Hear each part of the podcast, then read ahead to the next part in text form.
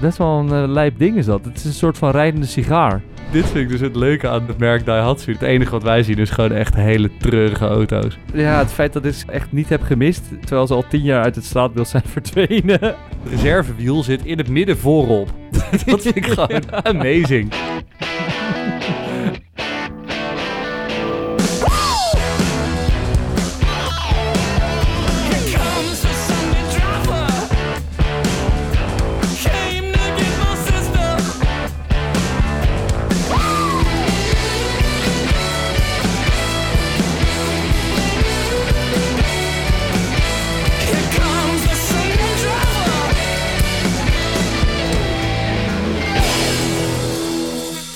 Jij wacht altijd totdat ik iets zeg, hè? ja, ja, je bedoelt wie start de podcast in? Ja, en dan wacht je altijd op mij en dan moet ik het soort van half geforceerd gaan doen. nee, ik wil het ook wel voor deze keer doen. Ja, doe jij het. Dit is een podcast. En dit zijn Boris en Jeroen. En hartstikke welkom. Zo, dit gaat goed. ik hoop dat jullie genoten hebben van de vorige. Dacia.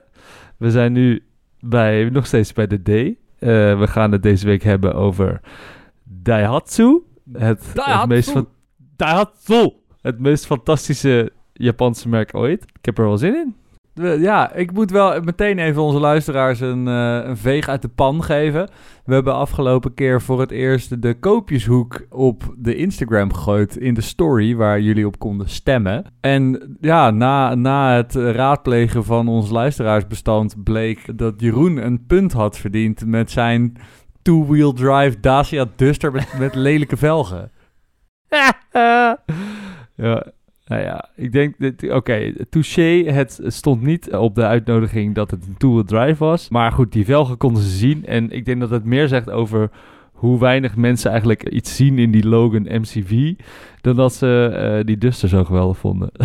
ik heb mijn meerdere erkend, uh, Jeroen. Maar ik heb deze week wel echt extra mijn best gedaan. Dus we gaan even een klein klassementje bijhouden. Ja, is goed, vanaf nu. Heb je verder nog wat meegemaakt de afgelopen week op autogebied? Ik reed op een gegeven moment door Noordwijk. Mhm. En toen zag ik daar een Polo Harlequin. Nou, je weet, dan is misschien wel mijn hele week is dan goed. Goed. Als je een Polo Harlequin ziet. Alleen toen wilde ik uh, er op terug een foto van maken. En toen was hij weg. Toen dacht ik, kut. En toen was ik nu, en dit was echt maanden geleden, en nu was ik laatst uh, weer daar in de buurt. En toen stond hij er weer. En toen kon ik wel foto's maken, dus ik foto's maken. En toen zag ik ineens dat hij een paarse achterbumper had. En toen dacht ik, wait a minute. Dus het is blijkbaar is een Polo Harlequin dus inmiddels zo tof dat mensen hem na gaan maken, maar dan slecht. Oh, wat kut. ja, ik, vond, ik, ik, ik baalde een beetje van mezelf ook. Nou, dat was mijn kleine nieuwtje. Nou, ik zit hier, zoals je weet, nog steeds in Istanbul. En we zitten hier met een goede vriend van ons, uh, Hidde. Ja. En uh, ik, ik denk dat we een nieuwe liefhebber hebben gevonden voor de Tofaş. Oh ja? Tofaş, ja. Mensen die het niet kennen, Tofaş is een beetje de Turkse Fiat. Het zijn letterlijk Fiatjes met een T erop in plaats van, van uh, ik weet niet eens meer wat voor Fiatjes, maar dat maakt verder niet uit. Het zijn vierkante Fiatjes uit de jaren tachtig. En Hidde zit de hele tijd, oh wat een vette bak. Oh, weer een Tofaş. Oh, wat een vette bak. Oh, weer een Tofaş. En ik zag zaterdag een vendorhal. Zo'n driewieler? Ja man, best wel een uh, lijp ding is dat. Het is een soort van rijdende sigaar. Ik kende hem helemaal niet, maar ik zag hem op de Instagram langskomen. Ja, het is best wel een cool ding, serieus. Ja. En, uh, mooi gemaakt. Oh ja, en als laatste ding, mijn vader, die... Uh, mijn vader? Ja, mijn vader, die wil een nieuwe auto. Dus ik ben daar nu heel actief, ben ik hem aan het begeleiden in zijn autozoekproces. Oh, leuk. Ja, hij rijdt nu een Volkswagen bus en hij wil dus van, het, van de benzine af. Ja. Ehm, en uh, dit is nog wel mooi, want hij heeft een vakantiehuis in Duitsland. Dus als het elektrisch is, dan moet hij daar wel in één teug heen kunnen rijden. Is ongeveer 350 kilometer.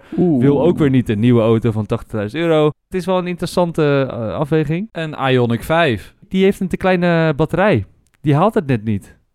Nee? Nee. Ja, nee. dan, dat is een Polestar 2. Die komen echt achtelijk ver. Die komt echt 600 kilometer of zo. Echt? Ja, maar, ja, maar dan zit je ja. wel weer met een sedannetje. Hij wil gewoon wel iets meer ruimte hebben. Ja, zo'n Polestar 2 is ook hoog op zijn poten. Dus wat ik nu heb gezegd, want hij wil wel echt van zijn bus af. Ik heb gezegd, misschien moet je maar gewoon even een jaartje een Link Co 1 rijden. Totdat er allemaal betaalbare elektrische tweedehandsjes komen. Of, of dat überhaupt Ja. de ranges omhoog gaan. En dan ga je dan van je Lincoln af en dan ga je een volle elektrische. Want zo'n Link Co is, is, is een abonnementje, toch? Ja, daar kun je gewoon elke maand vanaf. Ah, Betaal je wel 500 euro, maar die dingen zijn mega zuinig. En voor woon-werk kan je gewoon elektrisch rijden. Ja, je kan het gewoon doen om het te proberen ook, toch? Eens kijken hoe dat is voor je. 500 euro is natuurlijk wel veel geld, maar ja. Ja. anders geef je 20, 30, 40, 50k uit. ja. Dan zou ik zeggen, probeer het eerst even een maandje. Ik zei, heb je al een proefrit genomen? Hij zegt, nee, proefrit kan pas in december. Maar ik kan misschien al daarvoor het abonnement krijgen. ik zei, maar ga je dan, oh, maar ga je dan dus rijden zonder te proefrijden? Ik zeg, ja joh, je risicootje kan je wel nemen. Dus hij denkt precies zoals jij. Ja, dat, maar dat, zou ik wel, dat is het hele punt, toch? Het worst case ben je 500 piek kwijt en dan kan je alsnog een, een maand rondkarren is een ding. Nee, ik vind het leuk. Eh, Jeroen, Ja, Ja. voordat we in de Daihatsu duiken, even Ja. wat eh, nieuws van de afgelopen week.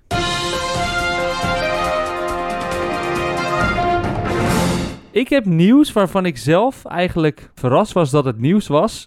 En het is Oeh. namelijk, Toyota komt met zijn eerste eigen elektrische auto. Dit hebben we al een keer besproken en daar waren we toen al een keer allebei verbaasd over. Van, hè, heeft Toyota nog geen elektrische auto's? Echt? Nee, nee, nee. Nee, maar die had natuurlijk de Prius en daar zijn zij Ja. volle bak op die hybrid shit gegaan. Dus Toyota heeft Ja, van alles hebben ze een hybride, maar ze hadden nog geen Nee. volle bak elektrisch. Ze hadden dus wel al hybrides, ze hebben al wel, wel al plug-in hybrides en ze hebben natuurlijk die Mirai. En ze hadden al wat Leen Stellantis busjes waar een stekker uitkomt. Ja. Maar dit is echt de eerste full electric Toyota, namelijk de Busy 4X. BZ. Nee, je zegt dus echt busy. Ik heb het Oh. filmpje gekeken en je zegt busy. Busy. Ze waren echt heel busy met deze, met deze Busy 4X. Ja, het is een SUV'tje. Ik vind het best wel vet gelukt. Je ziet duidelijk de hand van de Cybertruck ook hier weer in terug. Ontworpen met Samurai zwaard op een nieuw platform. Range is wel interessant, 450 kilometer. Vind ik helemaal niet interessant. Ze komen allemaal 450 kilometer. Ja, maar goed, mijn pa zou die wel kunnen kopen, want dan zou die met ermee naar Duitsland kunnen rijden. En wat ik ook wel interessant vind, is dat stuur. Hij heeft dus ook weer zo'n fucking gamestuur, zo'n plat gamestuur. Dus we zeggen toch altijd, ja, elektrische auto's, die hebben altijd een unibrow achter en voor. ja. En nu is dus het volgende element wat elektrische auto's altijd is een plat stuur. Een raar stuur. Ja, zo'n soort van raar space stuur. Je kunt daar dus toch mee rijden, want hij heeft steer by wire. Nou, boeit verder ook niemand, maar dan, dan zit er dus niet meer een paal aan je stuur die je stuur met je wielen Het verbindt. zit al heel lang niet meer, toch, bij moderne auto's? Geen idee, ik heb nog Het is nooit... toch allemaal niet mechanisch meer? Maar dit is echt, echt, echt steer by wire. Eh, waardoor hij dus... eh, waardoor dit dus nooit meer een omwenteling hoeft te maken. Nou, ik ben heel benieuwd hoe dat gaat. Hoe hij dat nou weet, dat je het wel of niet wil doen. Beetje zoals jouw Panda, toch? Met die City-knop. Ja, die City-knop is geweldig. Dat Ja. is de top-feature van die hele Panda. Ik moet zeggen, dat had dus mijn leenauto eh, op Sicilië. Die had ook de City-knop. Ik vond het Ja. echt geweldig. Ik wil Ja. ook een City-knop. Dat is echt, echt goud. Dus de Busy 4X, Busy. SUV'tje Toyota, very busy. Ja, ik vind hem een 13 in een dozijn. eh, Saaie SUV. Nou, nou, poepoe. Nou, over 13 in een dozijn saaie SUV gesproken. Deze week was natuurlijk de week van de nieuwe Range Rover. Oh, ja. De Ja. nieuwe Range Rover. Mm. Ik hou stiekem van de Range Rover. Ik vind dat gewoon een, een icoon op de weg. Ik vind dat ze heel slim op een gegeven moment bedacht hebben... weet je wat, we gaan hier gewoon een auto voor voetballers van maken... maar we houden hem wel nog soort van chic. Mhm. En wat ik dus interessant vind, is ze hebben op een gegeven moment nog bedacht... we hebben tussen de Evoque en de Range Rover zelf en de Range Rover Sport... hadden ze nog wat ruimte over en toen hebben ze daar die Velar gebouwd. En die was alsof ze er schuurpapier overheen gehaald hadden aan alle kanten. Die was gewoon helemaal smooth. En nu hebben ze eigenlijk de hele Range Rover zelf ook super smooth gemaakt. Er zit echt er zit geen vouw meer in. Mhm. Alles is smooth. De hele deurgrepen zijn ook van die die eruit moeten komen en zo. Ja. En voor de rest is er gewoon een Range Rover. Ja, god, wat valt er over te zeggen? Nou ja, ik zat dus te kijken eh, naar alle evoluties van de Range Rover, van vierkant tot glad.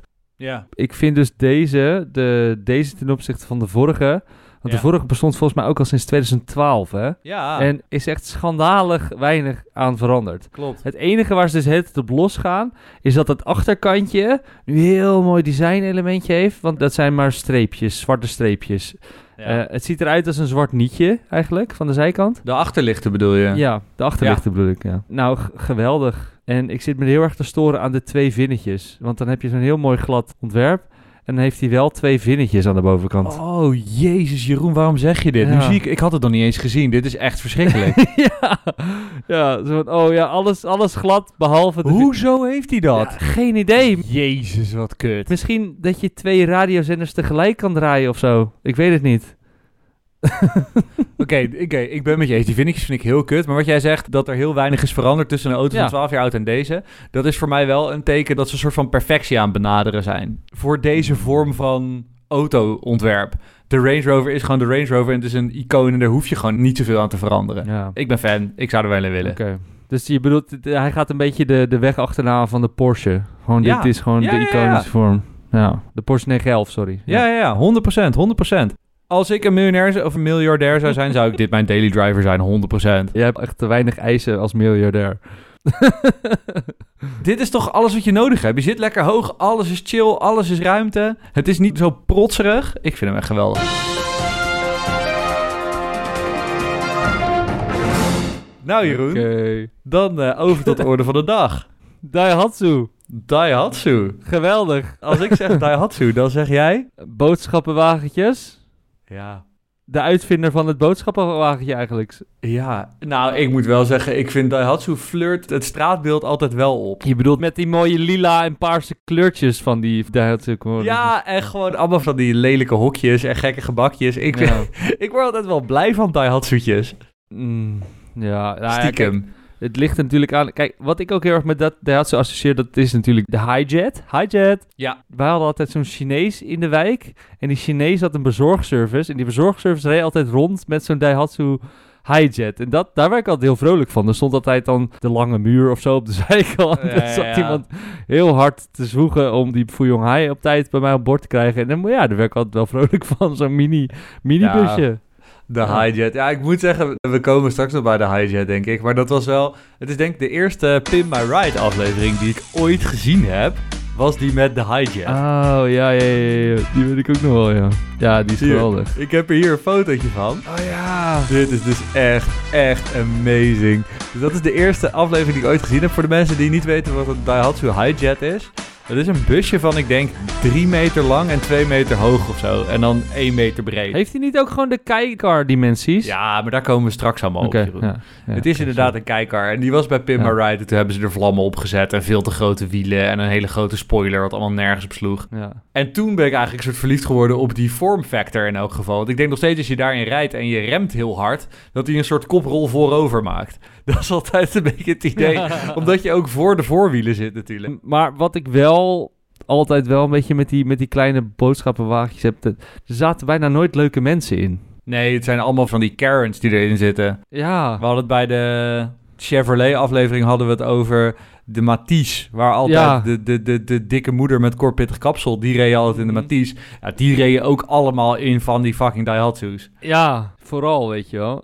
Het is geen liefhebbersauto. Het is totaal geen liefhebbersauto. Nee. Tegenovergestelde zelfs. Als je garagehouder bent en er komt er iemand bij je garage aan met een klacht over zijn Daihatsu... Dan denk je niet, dan- dan- dit is ja. waar ik 's ochtends mijn bed voor uitkom.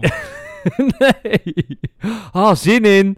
ja, nee, geef mij een Porsche maar een fikkie. Nee, Ja. dat is waar. Oké, nou, dat is dus Daihatsu. Maar Boris, vertel eventjes. Wat we- heb je nog meer geleerd over Daihatsu? Wauw, wat weet je dat toch weer lekker naturel te brengen. nee. Ik zal je eens even meenemen in de geschiedenis van Daihatsu. Ja, god, hang aan je lippen. Net als Dacia begint Daihatsu na de oorlog. Hmm. Het merk Daihatsu, het bedrijf Daihatsu, ontstaat uit het opheffen van een ander bedrijf, namelijk Hatsudoki Seizo BV Co. Limited in Osaka. Eh Hatsudoki was namelijk vooral goed in eh, stoom- en diesel... Hatsikedoki Hatsieke datsie. Nee, die was, die was vooral goed in het maken van stoom- en dieselmotoren voor locomotieven. Hmm. Voor de oorlog zagen ze dat natuurlijk eigenlijk al. Van, oh kut, die auto's, dat is misschien ook wel een ding. En daarvoor hadden ze benzinemotoren nodig en die maakten ze eigenlijk ook nog niet echt in Japan. Dus toen dachten ze, kut, dan moeten we even ons bedrijf omkatten. Toen hebben ze Daihatsu gemaakt. Leuk weet je, de naam Daihatsu is een combinatie van het eerste, eerste soort van teken, Japanse teken van de naam Osaka, de stad waar het vandaan komt. en het woord van het maken van motoren. Dus Hatsudoki, hoe het bedrijf eerst heette, dat is Hatsu, betekent dus motoren. Dus het is... Osaka motoren. Ja, en nu wordt het ingewikkeld, want het eerste teken van Osaka spreek je dus in Osaka uit Ja. als O. maar omdat het voor Hatsu werd gezet, veranderde de uitspraak van O naar Dai. Dus toen was het Dai Hatsu. Boris? Ja? Oké, mij, mij, mij, mij was je al kwijt bij... En dat is wel een leuk weetje. Ah, Oké, nou goed. Ja, Maar goed nou, geprobeerd. dus toen gingen ze van eh, dieselmotoren en stoommotoren voor de trein, gingen ze naar benzinemotoren. Eerst als generator voor eh, het opstarten van kleine ondernemingen en kleine fabrieken. Je kan je voorstellen dat alle infrastructuur natuurlijk helemaal aan puin lag in Japan in 1951. Mhm. En dat wilden ze dus doen omdat voor die tijd waren Ford en General Motors... die waren gewoon in de jaren 20 en 30 volle bak die Japanse markt aan bestormen. Die hadden in de jaren 30 95% marktaandeel qua auto's in Japan. En die fabrieken die werden allemaal genationaliseerd tijdens de Tweede Wereldoorlog. Toen werden ze het land uitgekikt en toen moesten ze dus zelf eigenlijk een beetje hun automarkt gaan opstarten. Eh, het was al zo erg. General Motors is officieel pas in 2001 teruggekomen in Japan met fabrikage eh, en productie. Wauw. Nou, onderdeel van het opstarten van die, van die automarkt in Japan, want dat was er dus eigenlijk nog niet echt. Ze hadden geen interne automarkt. Na de Tweede Wereldoorlog wilden ze dat opstarten door het Keicar-programma. Komt van Kei Yidosha, Mhm. wat betekent eh, licht voertuig. En na de Tweede Wereldoorlog wilden ze dat dus opstarten, omdat ze zagen dat mensen arm waren en dat de bedrijvigheid eigenlijk achterbleef, omdat mensen geen auto hadden en daar geen geld voor hadden. Dus dachten ze, wat we gaan doen is we gaan heel veel subsidies geven en we gaan die, mer of die fabrikanten uitdagen om een auto, een soort van auto voor het volk te maken. Dus ook hier weer super strikte grenzen. Dus in het begin mocht die 2,8 meter lang zijn, 1 meter breed en 2 meter hoog. Nou, die normen zijn volgens mij nog ongeveer hetzelfde, iets groter misschien. En in het begin was de eh, motor, maximale motorgrootte 150 cc. Nou, dat is echt niks. Dus toen zeiden die merken, ja, pleur op. En toen in 1955 werd die grens opgerekt naar 360 cc. En toen gingen die fabrikanten langzaam maar zeker aan de slag. Nou, ik vertel dit nu. Eh, dit is in 1949 gestart, maar Daihatsu was toen nog niet bezig met de kijkars. Die hadden in 1957 eh, waren ze nog bezig met een soort van tuk-tuks, de Daihatsu Midget. Dus een soort driewieler, Mhm. vooral gebruikt voor cargo. Dus dat was ook die kijkars. Die waren ook vooral gebruikt om gewoon spullen van A naar B te krijgen. Eh, en in 1963 kwamen ze toen uit met de Daihatsu Compagno. Nou, dat klinkt natuurlijk heel gezellig. En dat was eigenlijk de eerste echte Daihatsu auto. In 1963 pas. Had verschillende carrosserievormen. Die was er in sedan, in station. Er was een pick-up van. Eh, er was ook een cabriootje van. En de Compagno Cabrio, als je even met me meekijkt... dat was echt een Mhm. heel vet spidertje. Oh.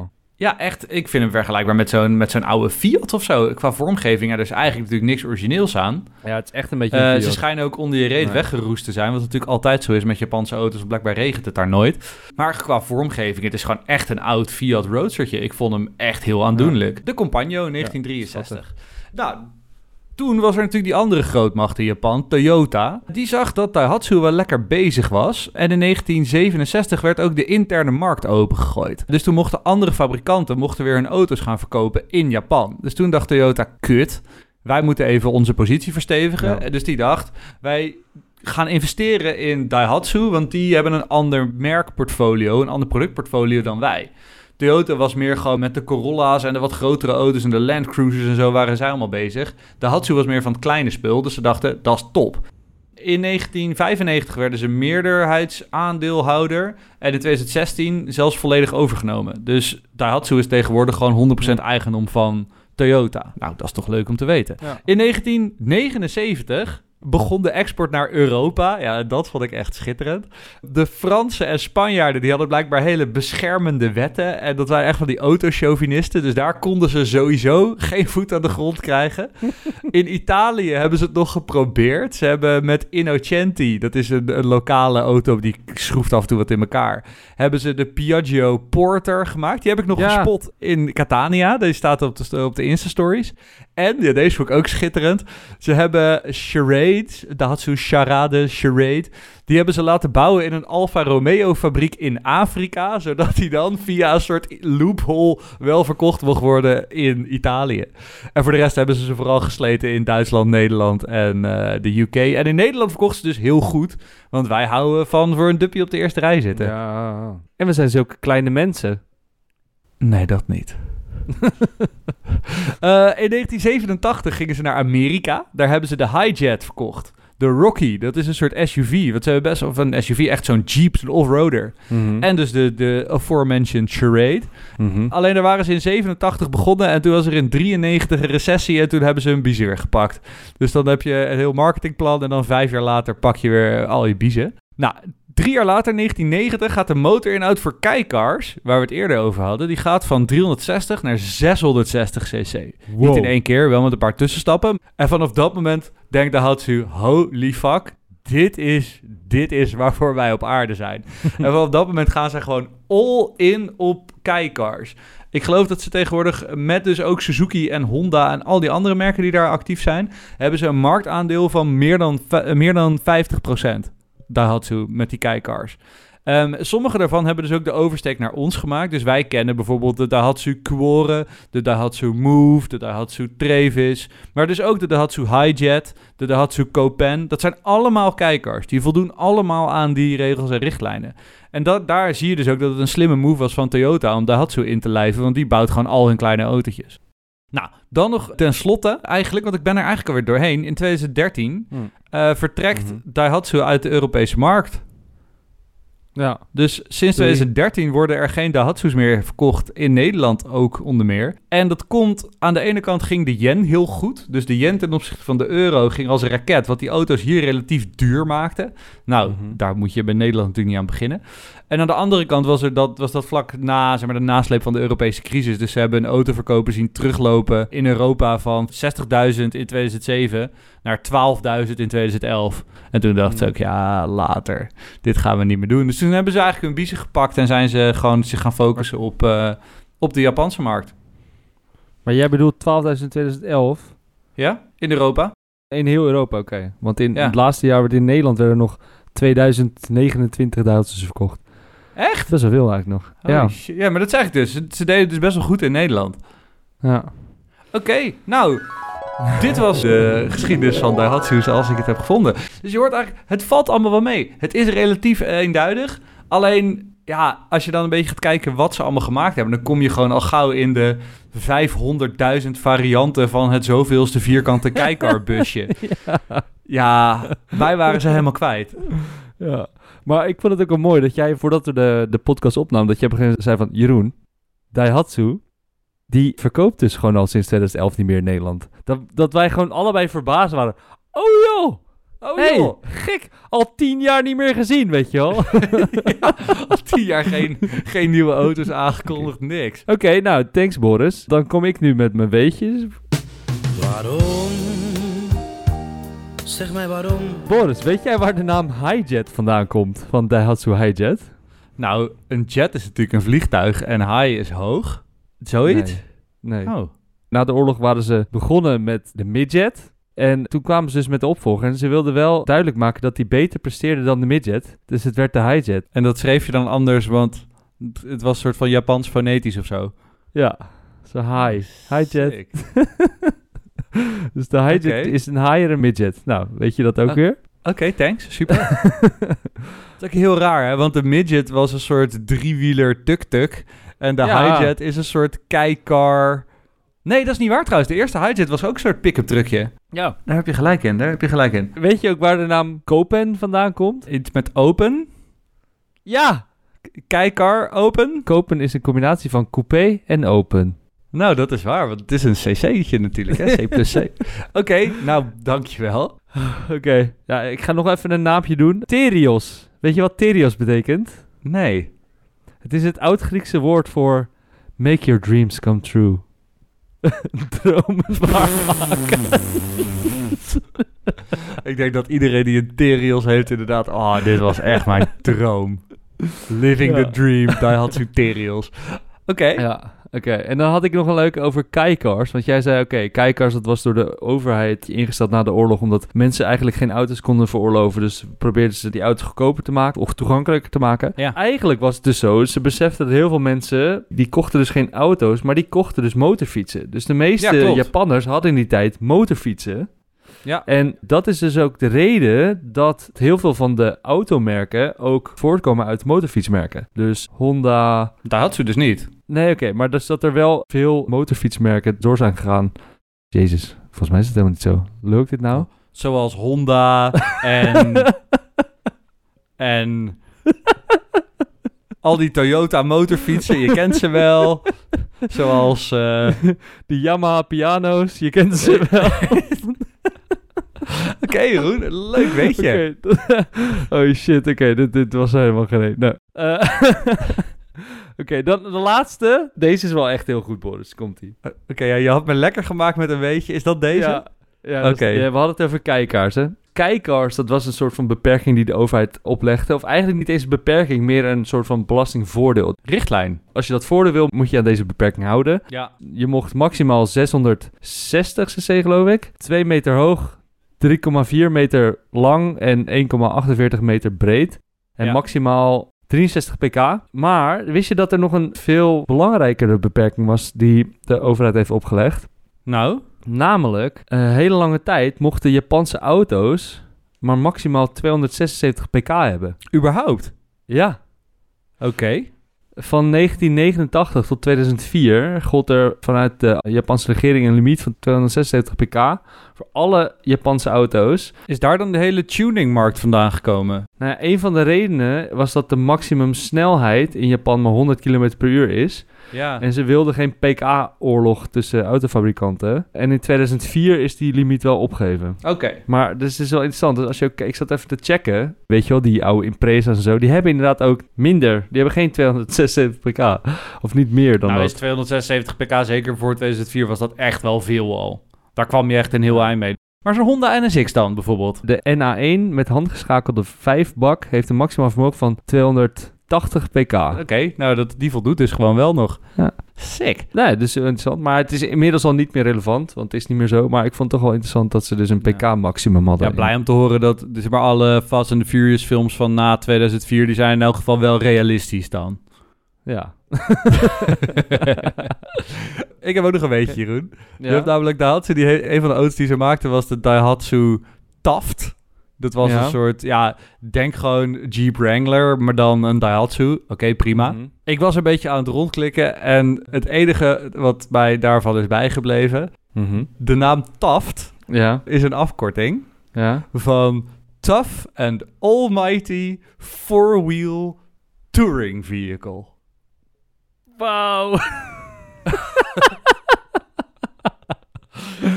Teringen. Jezus. Tough and Oh. Almighty. Ja, het is wel goed dat je het erover hebt, want ik heb wel die taft. Hij is hier nooit op de markt geweest, volgens mij. Maar het is wel... Jawel, jawel, jawel. Wel? Ik kwam hem tegen bij mijn koopjeshoek Oh, scouten. Oké, oké, vet. Oké, ehm, Weet je dus ook welke ik niet heb? ja. Waarom? Zeg mij waarom? Laten we maar doorgaan naar de memorabele modelletjes dan, eh, lijkt me. De memorabele modelletjes. Ja.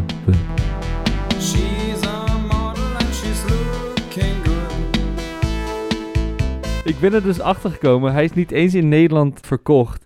Maar ik denk dat ik een van mijn droom Japanners heb ontdekt. Oké, Oké. heel eerlijk. Hij is nooit verkocht. Het is een concept. Oké, nou vooruit. Hij stond wel echt in de planning om te verkopen. Het is namelijk Nou. een Daihatsu Charade die bedoeld was voor de B-groep van Rally. Ja, dat is heel vet. Ja, eh, Maar de Charade had sowieso... Char- charade, charade. Charade, Charade. charade. De, G de GTTI was daar al een fucking dikke hot hatch van, hè? Die was echt cool. Die had eh 100 pk uit een 1 liter blokje. Drie cilinder. Ja, In 1993 of zo. Die was echt dik al, Ja, maar maar, deze is echt goud, zeg. Dit was de Daihatsu Charade De Tomaso 926R. Was dus bedoeld voor de groep B. Ja, lang verhaal. Groep B, dat was eigenlijk een, een legendarische rallygroep. Bijna geen grenzen had het. En zij probeerden dus met een hele lichte en hele sterke eh, auto daar mee te doen. En dat was een 926C motortje, 800 kilo, 116 pk, middenmotor. maar ze zijn er pas in 1985 mee gekomen. En in 1986 klapte de groep B eruit. Na weer een dodelijk ongeluk. Want het was echt veel te gevaarlijk. Oeps. En eh, nou ja, toen dachten ze, oké, nou misschien kunnen we dan een groep A meedoen. Maar ja, dan moest je er minimaal 5000 stuks van zo'n auto verkopen. Ja, dat hadden ze nooit kunnen doen. Mhm. Uiteindelijk is het project gestopt. Maar het is echt voor de mensen thuis. Het ding ziet er zo gruwelijk uit. Ik weet niet of mensen de, de Clio nog kennen. De Clio V6. Het is eigenlijk een beetje een vierkante Clio V6, denk ik. Of niet? Ja, Wat denk jij? ik vind vooral gewoon dat ze aan alle kanten er gleuven en gaten en sleuven ingevreesd hebben, vind ik grandioos. Het is een beetje Opel Astra-achtig, maar dan cooler. En de spoiler vind ik ook heel vet. Ja, en de lucht uitlaten aan de achterkant om, eh, om dat middenmotorblokje te koelen. Heel vet. Hij lijkt een beetje op die Renault 5 Turbo GT, ik weet niet meer hoe die heet. Ja, Met ook die, Klopt. die bodykit aan de achterkant. die was er ook al vier jaar eerder dan deze. Dus heel origineel waren ja, ze niet. precies. Dus daar hebben ze goed naar gekeken. Ja, en ze hebben dus ook, volgens mij voor de Japanse en Amerikaanse markt, een softere versie. Ook een De Tomaso Charade op de markt gebracht met 80 pk. Ook een li- 1 liter motortje. Wel gouden velgen. en de schouwen velgen, ja, fucking gruwelijk. Ja, die vind ik ook dik.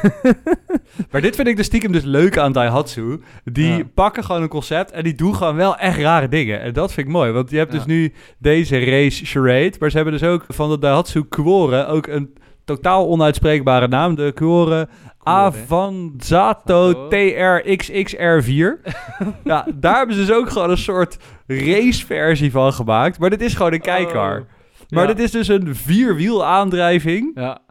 De maar wel gewoon met 660 cc en weet ik veel wat. Ja, maar hij heeft wel dus vierwielaandrijving, twin cam, 16 valve, turbo, spoiler, hoedscoop, alles. Dit Ja, is ja, echt een geweldige, ja, gewoon lekker mee spelen. En vierwielaandrijving. Gast, deze zou ik echt ook wel willen hebben. Dit vind ik ook echt wel een auto voor jou. Ja, wat ik steeds meer begin te beseffen, het is een beetje net als die Swatch horloges, weet je wel. De basis is altijd een Swatch horloge, maar kijk maar hoe gek je ermee kan gaan. En dat zie ik ook een beetje met die kijkar. Van, de basis is allemaal hetzelfde, maar je kan alsnog wel echt alle fucking kanten op. En je hebt alsnog een zuinig autootje. Ik zei tegen jou in het begin, zeg maar in het maken van deze podcast, dat het een soort, het gaat maar door, het houdt niet op. Ja. Ik was gewoon aan het googlen van weird, weird Daihatsu concepts. Nou, hadden ze een kijkar met een klimmuur op de zijkant. of hadden ze een kijkar met een soort disco erin. Of hadden ze een kijkar, hadden ze een soort Daihatsu Hijet genomen. Hadden ze er het dak van afgezaagd. Mhm. En dat ze dan ook geen voorruit meer hadden. Maar alleen zoals die Mercedes. Mercedes had af en toe ook zo'n ding zonder voorruit, toch? Ja. Ja, totaal insane. Het is leuk dat je dat zegt, want jij zegt dus ze hebben een paar rare concepts op de markt gezet. Of in ieder geval, daar hebben ze mee gespeeld. Ik heb er dus een paar echt hele gruwelijk gevonden. Oh. ze hebben dus kijkar variantjes gemaakt van achtereenvolgend. De New Beetle in 2001, de Daihatsu U4B, die Urban 4x4 Buggy. Ja, maar dat is het dus. Ze nemen gewoon het kijkar concept, dus afmetingen en motor staan vast. En dan gaan ze Ja. daar binnen gewoon kijken welke auto's kunnen we in deze vorm proppen. Ja, ja, ja, ja. ja. Nou, die dus, zelfs met een schuifdakje aan de bovenkant. Dan heb je in 2003 heb je de UFE2. Prius. Ja, dat is gewoon een Prius. Reed 1 op 60. Gewoon een te heet gewassen Prius. Ja. Dan had je in 2004 de Daihatsu D-Bone. D-Bone. Want dat was een soort Ariel Atom 4x4. Eigenlijk alles eraf gestript aan plaatmateriaal. Ja, een beetje smart eh, crossblade-achtig Ja. qua concept.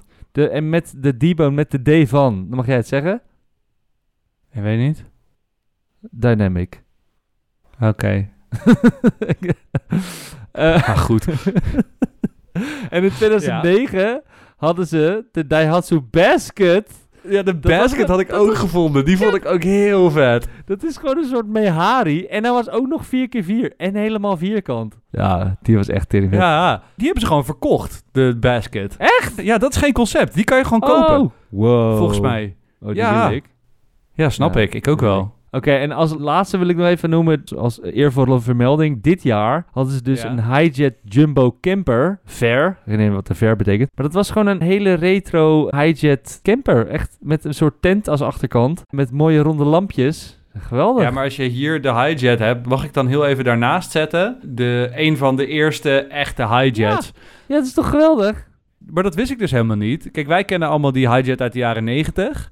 Gewoon het- zo'n Ja. afgeracht busje. Ja, zo'n wit busje altijd. Maar vroeger, die eerste highjets was dus eigenlijk... Oké, kunnen we zo'n Volkswagen busje in het formaat van een kijkar gieten? Nou, Ja. dat is precies wat die eerste highjets waren. Dat wist ik helemaal niet. Maar dus inderdaad met veel chroom, ronde lampjes, alles super cute. Ja. Ja, nee, geweldig. Ik snap niet waarom die niet beroemder zijn geworden dan dit. Ja, waarschijnlijk omdat ze allemaal zijn weggeroest. Mag ik dan nog even één rare Ja. doen? Want ik had Ja. van die Cuore had ik de raceversie. Ze hebben dus ook een soort... Ja, hoe, hoe zeg je dat? Weet je nog dat vroeger de supermarkt in de bus zo door je wijk kwam rijden? Ja, dat heet toch een soort AD ADV, AVB? H- HRV, HRV. RKV, zoiets. Ja, nou, ja. Jullie bedoelen de SRV, man. Anyhow, hier, moet je kijken. Ze hebben zo'n ding op een Cuore gebouwd. dus je moet je voorstellen, je hebt een, je hebt een maar dan Oh, wow. bij de vooruit gaat hij gewoon twee meter recht omhoog. En er zitten gewoon een soort schuifdeuren in. Ja, ja, het, dus, het, is, het is een soort UPS-busje meets boodschappenwagentje. ja, ik vond deze echt heel erg chill. ik zou hem meteen kopen. Hij heet de Walkthrough Van. Hij zou nou ook, ook goed dienst doen als pausmobiel. Ja, zeker weten, zeker weten. Moet gezegd. Boris, eh, laat jij nogal dan eventjes de materia zien. Ja, zeker, zeker, zeker. De materia. Ja, wat moet je erover zeggen eigenlijk, hè? Ja, we hebben natuurlijk de Chevrolet... Chevro, de Chevy... Chevro- we, we hebben Ja. Chevy genoemd. En Chevy kwam op een gegeven moment met de PT Cruiser. En ik heb altijd een beetje gedacht... eigenlijk- Chrysler PT Cruiser. Oh, fuck. Oké. de Chrysler. Oké, ja, ga verder. Je bent alle geloofwaardigheid kwijt. Ja? je had Chrysler natuurlijk met de PT Cruiser. En je had, Ja. de, je had Chevrolet met de HHR. HHHR, ja. HHHR, ja. Ja, en ik, vind het eigenlijk wel een beetje vergelijkbaar met van die kleine, smalle raampjes en dan een soort druppel. Ja, Het is gewoon een beetje een hot rod. gesmolten hot rod is het eigenlijk, ja. Ja, ik vind de materia, de stiekem, gewoon een best wel leuk geslaagd ontwerp. Ik heb deze ook aangeraden aan mensen die, mensen die waren op zoek naar, weet ik veel, een saaie kutauto. Dus die waren, oh, we gaan kijken naar een Opel Astra. Ik, kijk gewoon naar zo'n fucking materia. Dat is toch amazing? Koop, koop, ik heb hem hier in tennisbalgroen. Ja, koop gewoon zo'n zo'n tennisbalkleurige Daihatsu. Zuinig. Dat is toch veel leuker dan, Ja. dan weer de zoveelste Astra of de zoveelste Clio? Ja, nee, helemaal graag. En wat ik dus mooi vond, ik was een beetje aan het doorklikken op zo'n Daihatsu Materia. Dat was in de tijd dat Toyota al, al vuistdiep in Daihatsu zat. En Toyota kwam op een gegeven moment ook met het merk Scion. Weet je dat nog? Ja, ja, ja. Ja, Skion. ja dat is ook zo'n materia, toch? Ja. Ja, en ze hadden dus ook zelf de Toyota BB. Dat was ook eigenlijk gewoon een Daihatsu Materia. Maar boeit verder niemand. Maar die had dus ook een open deck versie.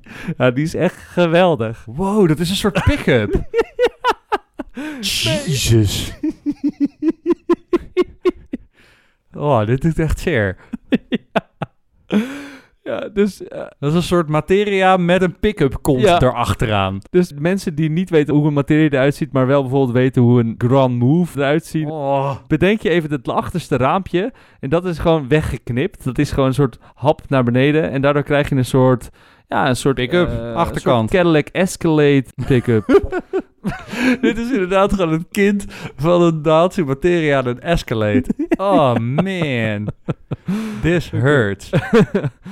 Oké, nou, ik heb nog een leuke voor jou, Jeroen. ja. We hadden namelijk al de Daihatsu Basket met zijn gekke Ja. cabrio-versie. ja. Ik heb hier misschien ook wel jouw volgende auto. Had- Oh. ja, ik weet niet wat ze met die namen hebben. Dit is Ja. de Daihatsu Naked. ja. Zo heet die echt. Die is geproduceerd en verkocht tussen 99 en 2004. En daarvoor hebben ze gewoon heel goed naar de Jeep Wrangler gekeken, denk ik. Want ze hebben gewoon alle schroefgaten en Ja. alle scharnieren en alle dingen zitten allemaal aan de buitenkant van die auto. Wow. Ook gewoon een kijkar overigens. Eh, maar het schijnt dus ook dat je de binnenkant gewoon met een hoge drukspuit kan schoonmaken. Allemaal plastic. Ja, en weet je wat ik ook zie? De voordeur is de achterdeur. Wow. Je kan gewoon de voordeur bijna in de achterdeur zetten. Ja, de panelen zijn hetzelfde. Ja, dat heb ik nog Ja, ik vond gezien. dit een Ja, ik heb er voor de rest ook helemaal niks over te melden. Behalve dat ik hem gewoon best wel cool vind. Ja, je ziet dus nee, gewoon voor de, voor de luisteraar zitten gewoon de, alle bumpers zijn gewoon met schroeven vastgezet. En die schroeven kan je gewoon zien. Alle Ja. scharnieren van de deuren kan je gewoon zien. Alle Ja. panelen zitten allemaal hele dikke naden tussen. Maar dat is de bedoeling. Ja, ik vind hem cool. Ik vind hem ook heel cool. Ja, deze wil ik nu. Doucheputjesvelgen, speciaal voor Jeroen. Ja. oh, dit is echt geweldig. Eigenlijk ziet die voorkant er ook een beetje uit als de nieuwe Suzuki Jimmy. Ja. Ja, ja die snappen het. Zullen we nog eentje noemen? Ja, dan... De Copen, toch? Ja, ja, ik heb hier eentje van de Copen. Copen. Dat was natuurlijk ook een kijker. 660 cc, maximaal 60 pk.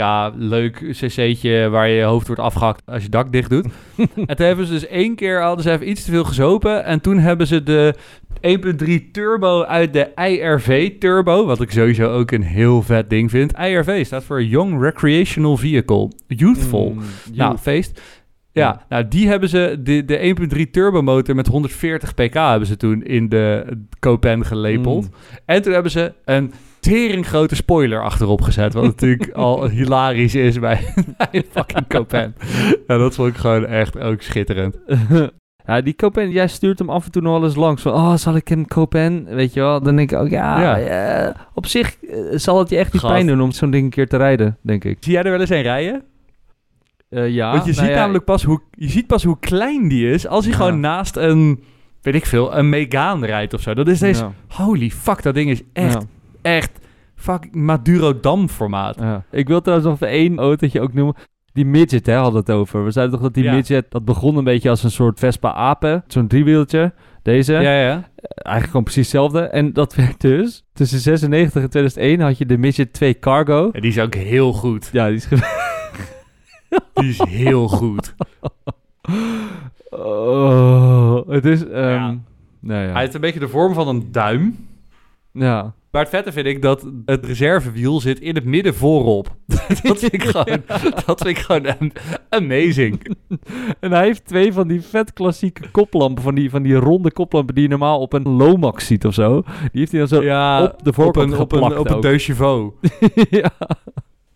Ja, die is ook goed. echt fantastisch. Ja, je, eigenlijk zien we te weinig van de echt wappie eh Daihatsu's op de Nederlandse wegen. Want die blijven toch wel een beetje achter in Japan. Ja, gast, kijk naar wat we hier besproken hebben, joh. Dit is allemaal gewoon de shit. En Ja. dan heb ik het nog niet eens... Weet je wel, in, in die rij met waanzinnige Daihatsu-dingen was er ook eentje die had een soort...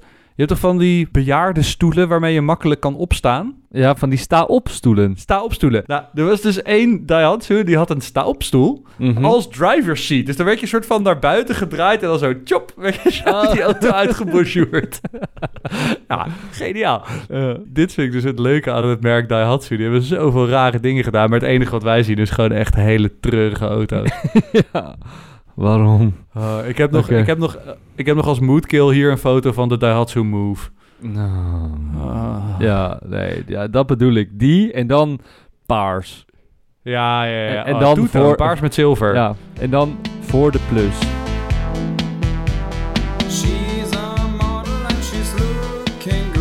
Jeroen, Jeroen, Jeroen. Ja, Laten we gewoon, laten we ja kort laten- en bondig houden. Laten we naar de koopjeshoek gaan om gewoon te kijken Ja. wat we gevonden hebben. Verrassend, altijd voordelig. Ga jij maar eens eerst, Boris. Je hebt het al gezegd. Boom, Daihatsu Copan. Serieus? Wat? 4500 piek, bitch. Oh, dit is goed. Dit is goed. Ik heb een Daihatsu Copan gevonden. Een zwarte, met een zwart leren bekleding. Het enige is dat die right-hand drive is. Oh, oké, ja. En dat is natuurlijk niet ideaal. Oh, dat is echt niet onhandig. Beetje onhandig.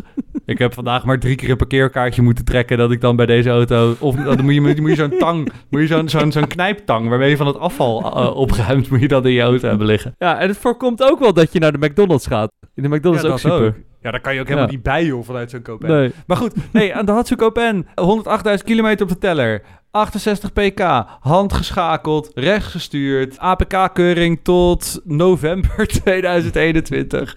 Oh, dat is, dat is nog heel lang nog. Dat is prima. Nee, maar zwart op zwart, leren bekleding, eh vierpunts, gordels. Jeroen, ik eh, heb gewoon Ja. een prachtige, te heet gewassen Audi TT gevonden. Ja, ik wil net zeggen, als je hem zo van de zijkant echt even tussen je allerlaatste ooghaartjes zit, dan is het gewoon Audi TT inderdaad. Ja, tuurlijk, het is net de Audi TT. Ja, maar dan een keer het 0.6. Ja, wel credits naar jou dat je überhaupt een kooppen hebt kunnen kopen. Want ik was even snel aan het scrollen en ik kon er geen eentje vinden voor, voor dat geld. nee. Dus kwam ik terecht, ja, wat ga je dan kopen? Ja, Hijet misschien, maar die zagen er ook niet heel boeiend uit voor dat geld. Nee, ik heb nog een hijet pick-upje gezien. Dat ik dacht, ja, Charade boeit ook niet. een taft. Dus ik heb jouw koopadvies gewoon opgevolgd. Oh serieus? Ja, gast. een hele dikke. ik heb een Materia gekocht. Lekker boy. Ja, man. Ik heb een hele dikke Daihatsu Materia 1.5 Soul gekocht. Ja. Ja, wat zou ik zeggen? Welke kleur is hier, Hoe, hoe zou je dit noemen? Een beetje Ja, Bordeaux, niet Bordeaux. donker, aubergine. Aubergine. Aubergine, ja. Ja.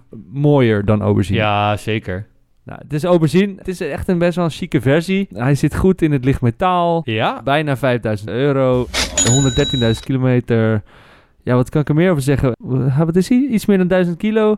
Hij heeft een energielabel E. Dat snap ik niet, want hij heeft gewoon, het is gewoon een 1.5'tje. Maar het is een auto uit 2008, hè. Dus hij is gewoon oud. Ik vind energielabel 1 nog best wel prima. 1 op 14 rijdt hij. Ja, maar die worden toch met de jaren worden die strenger, toch? Die dingen. Dus dan is het Oh. inmiddels, is, heeft hij dan energielabel 1. Nou ja, het zal wel. Oh, Oké. Nou ja, weet je, als iemand met deze bak voorbij zou komen, dan zou ik echt high-fiven. Van, yes, je hebt het aangedurfd. Ja, maar dit is precies wat ik bedoel met Daihatsu maakt het straatbeeld leuker. Met dit soort auto's. Ja, ja, ja, ja, ja, ja, ja, ja. Daihatsu! We hebben het wel eens over de, hoe heet die ook weer? De Honda Cubus, toch? Nee, de Nissan Cube. Oh, Nissan Cube. Dat vind ik ook een beetje zo'n auto. Net iets groter dan een Kijkar, maar ook lekker wel vierkant, hoekig en eh, kleine raampjes. Ik vind het wel mooi. Ja, maar ik vind deze iets stoerder. Ja. Normaal gesproken vind ik kleine wieltjes altijd irritant. Maar bij deze vind ik het juist wel cool dat hij van die piepkleine Ja. wieltjes heeft hij zo helemaal op de hoeken staan. ja. ja, dus dat. Nou, Boris, Ja, nice man. we laten natuurlijk ook aan de luisteraars. Ga naar Instagram om het te horen. Maar wat zou jij doen? Ik eh, blijf bij mijn Copan. 100%.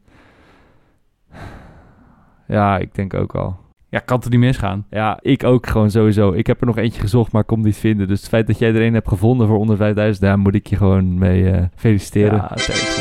thanks man. thanks. Maar we laten het ook aan de volgers op Instagram. Het Zondagsrijders podcast. Kunnen jullie ons allemaal volgen? De stories. We zullen de story pas over een paar dagen doen. Dan kunnen jullie Ja. nog even de podcast luisteren. Steeds verrassend, altijd Ja. voordelig. Eh, ja, dan moeten we even afronden, Jeroen. Welk cijfer geef jij Daihatsu? Oh, moeilijk man.